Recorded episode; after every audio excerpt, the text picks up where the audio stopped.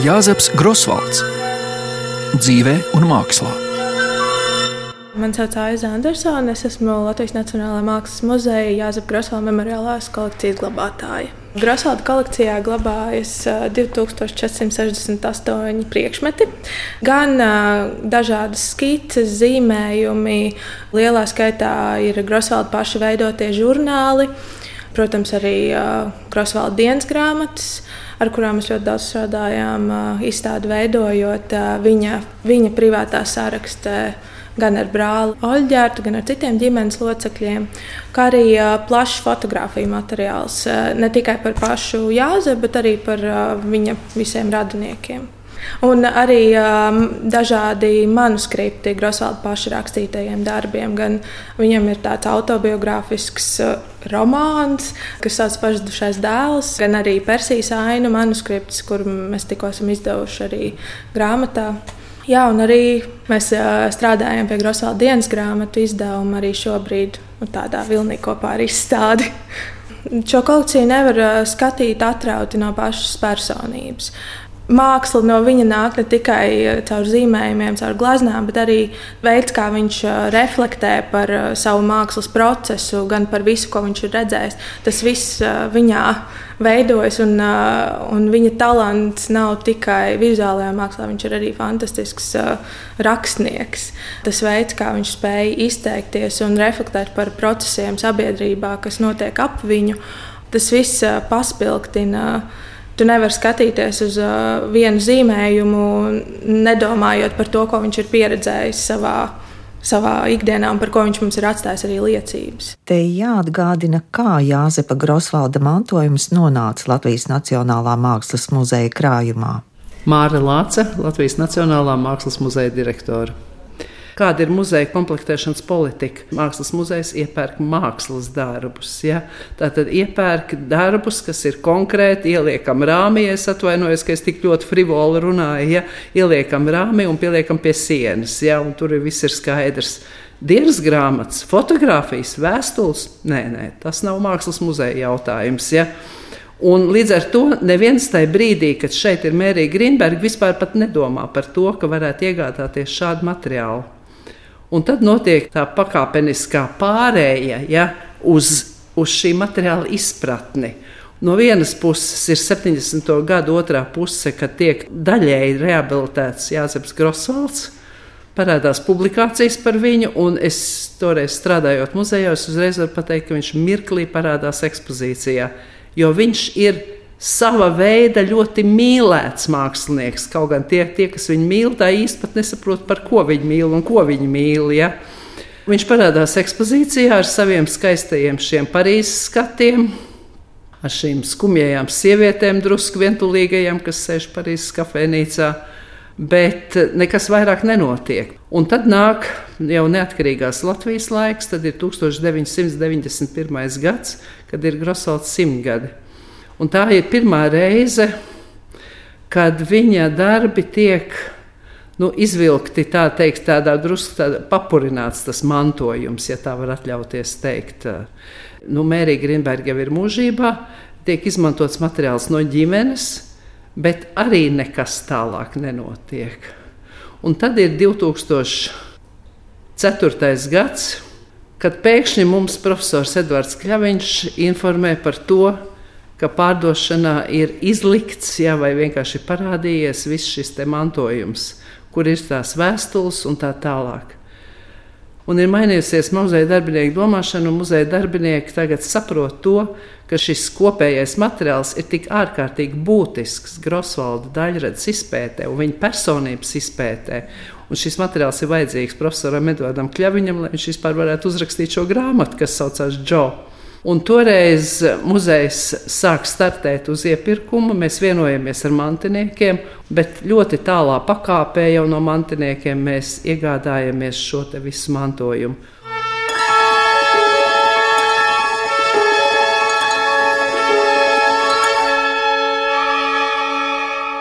Mm, Ieva Stūre, esmu Rosvalda izstādes mākslinieca, kā iekārtojuma autora. Nu, man Grosvalda krājums ir tā tāds burbuļu mākslinieka cilindrs, no kura ik pa brīdim var izcelt kādu kādu baltu trusi. Ar krājumu es pirmoreiz sāku strādāt pie Kristīnas Žēlas filmas Mērijas ceļojums. Tas bija tāda iepazīšanās, jo pirmo reizi jau tajā krājumā ienākot, nu, likās ārkārtīgi interesants, likās tieši tās dienas grāmatas. Nu, to nevar tā vienā reizē izlasīt un apgūt, un mēs lasījām tās daļas, kas attiecās uz konkrētām filmu ainām, protams. Bet tad, kad nākamā filmas turpinājums, tā kā loģisks bija izstāde Mērijas ceļojums Mākslas muzejā, tad mēs turpinājām lasīt tās dienas grāmatas. Dienas grāmatas, vēstules, fotogrāfijas, skices priekšmetus. Un tad jau tā apjausma par to, cik tas Džo ir bijis interesants cilvēks. Ir viņam ir brīnišķīgs, bet tas krājuma materiāls apaudzē to māksliniecisko gleznas ar tādu, nu, tādu, tādu stāstu, ar tādu, nu, tu sāc pazīt to Džo jau kā cilvēku. Liek, liekas, ka viņš ir ģimenes loceklis. Mazliet marginālākas lietas, tur ir Džo krātie avīžu raksti, viņa bērnības zīmējumi, kas man liekas ļoti mīļi, bet nu, kur neiegāja, diemžēl, izstādē. Tur ir, kas man ļoti likās interesanti, viņa lasīto grāmatu kolekcija, kas savukārt parāda, nu, ko viņš lasīja. Viņš arī ļoti pierakstīja pats, ko viņš lasīja. Tas viņam grāmatas, mūzika, tas bija ļoti liela viņa dzīves sastāvdaļa.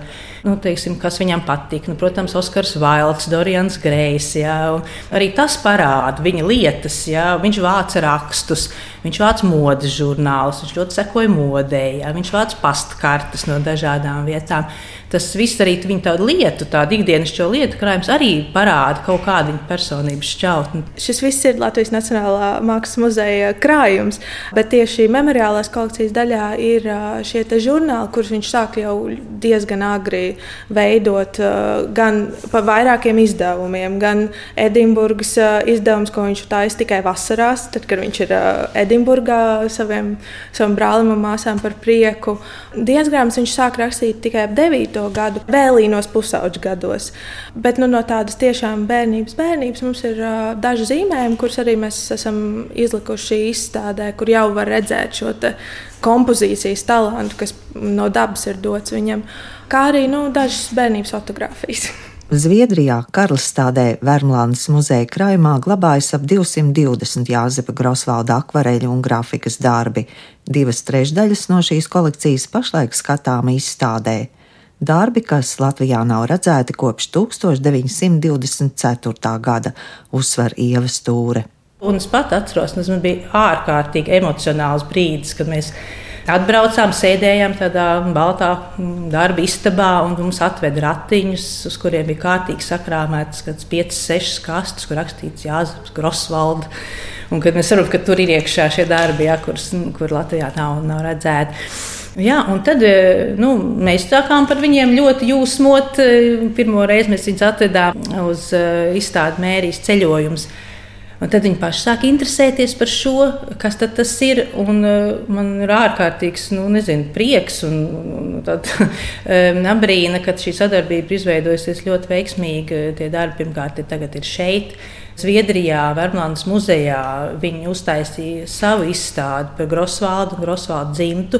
E, vienlaikus ne tikai izstādot, bet veicot paši arī savu pētniecību, iegūstot dažādus jaunus artefaktus, informāciju. Zviedrijā dzīvo vēl cilvēki, kas ir sastapuši Grosvaldu ģimenes locekļus.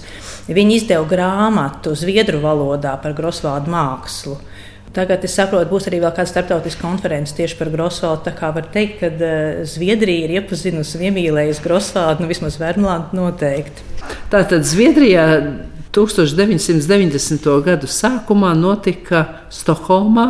Lielākās kundzhallē notika brīnišķīga izstāde, kas patiešām bija ļoti liela latviešu un igauņu toreiz arī mākslas reprezentācija un tieši klasiskā modernisma līnija. Un tur šie grosoli darbi arī, protams, parādījās. Tie gan bija no mūsu muzeja paņemtie darbi. Un pēc tam radās iespēja mums abiem ar profesoru Kļaviņu doties uz Karlstādi, tātad Vermlandes muzeju, un savām acīm redzēt, redzēt tos darbus, kas tur glabājas. Tas bija absolūts, ja tā var teikt, godīgi šoks par to, ko mēs tur ieraudzījām. Milzīgs skaits ļoti kvalitatīvu, ļoti interesantu akvareļu par latviešu strēlnieku, tātad šīm kartēmām un austrumu cikls. Austrumu cikls, kurš mums praktiski nebija muzeja kolekcijā pārstāvēts. Un tas, protams, tur bija nonācis dažādu nu, saka, likteņu pavērsienu dēļ, un atkarībā nu, saistībā ar māsām, kuras pēckara periodā dzīvoja, dzīvoja Zviedrijā. Tad, kad sākās runas par to, ka ir jādomā par to, kur pēc kolekcijas turētāju aiziešanas mūžībā varētu nokļūt šie darbi.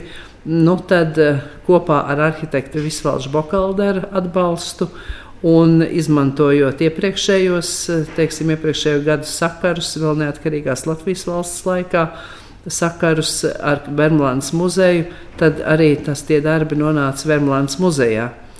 Vēl notika ļoti interesanti arī tāda lieta, ka nedaudz vairāk kā 20 darbus mums uzdāvināja vēl arī Oļģerta Grosvalda dzīves biedrs dēls. Un tie bija austrumu cikla darbi. Tad mums ienāca šis eh, austrumu cikls. Tas skaitliski nebija liels, bet tas bija ļoti nozīmīgs dāvinājums. Tā kā es gribētu teikt, ka ap Jāzepu Grosvaldu ir visu laiku pastāvējuši ļoti labi un ļoti sirsnīgi cilvēki. Neskatoties uz to, ka šīs personības, kā saka, liktenes un, un dzīves teiksim, līkloči un gaita ir bijusi visai komplicēta un arī mēs varētu reizēm lietot vārdu arī traģiska.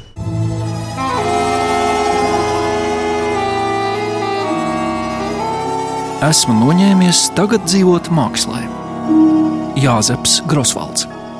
Oi, man liekas, ka Jānis Grosvalds pats skaidri zina, kādai jāizskatās viņa izstādē. Un, um, nu, Pirmkārt, tā pamatā jau ir viņa gleznas. Uh, tā ir mākslas izstāde, tie ir mākslas darbi, eļļas gleznas, uh, grafikas. Savukārt vitrīnās eksponētas Jāzepa dienas grāmatas. Bet par tām vairāk stāstīsim nākamajā reizē. Otrs objekts vitrīnās ir skiču bloki. Jo viņš visur kur devās, visur viņš skicēja. Vai tas bija karš, vai tas bija eh, austrumu, austrumu kara gājiens, vai tas bija viņa bērnības Venecijas izbrauciens. Visur viņš pieskicēja tipus, ainavas, lietas un pierakstīja vēl klāt arī, ko viņš par šo tipu domāja, ko viņš ir uzskicējis. Un tas ir eh, viens motīvs, kas izstādē bija ļoti svarīgs panākt to klātbūtnes efektu, jo tas skatītājs viņš vitrīnā redz to mazo blociņu, varbūt tur pleķaino no kur ir uzzīmēta kaut kāda konkrēta kara aina. Tālāk, nākamā etapā pie sienas ir grafikas darbs.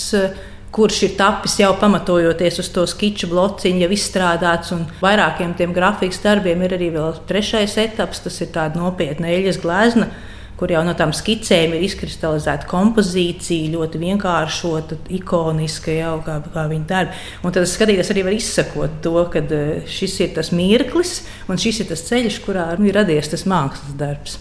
Mēs devām priekšroku, piemēram, šiem austrumu cikla darbiem, izstādīt Vermlandes darbus, kurus uh, skatītājs šeit Rīgā nav redzējis, bet arī uh, mūsu kolekcijā ir, uh, ir austrumu cikla skices, kuras arī teiksim, tā veido savu dialogu ar skicēm no Vārmlandes. Mēs varam redzēt, varbūt citā izstrādes stadijā šo darbu. Skatoties uz to no pētnieciskā viedokļa, ir ārkārtīgi interesanti. Jāsaka, godīgi, maz mums ir tādu mākslinieku, kuriem ir šāds materiāls. Un, ja mēs tā paņemam un salīdzinām, teiksim, tad Vilhelmam Purvītam nav pilnīgi nekā, ir izņemot tikai mākslas darbi, un Jāzepam Grosvaldam ir ļoti, ļoti bagāts. Gribētu īpaši uzsvērt. Ka Jāzepa Grosvalda, man liekas, viss tā dzīve, darbība un viņa, kā saka, rokas pieskāriens visam, kam viņš to, to ir izdarījis, tur mēs visam, visur runājam par mākslas faktu. Un kā tādam mums tam arī ir jāpieiet. Reizēm ar kritisku skatu vai vēl kaut kā, bet tomēr tas viss ir mākslas fakts.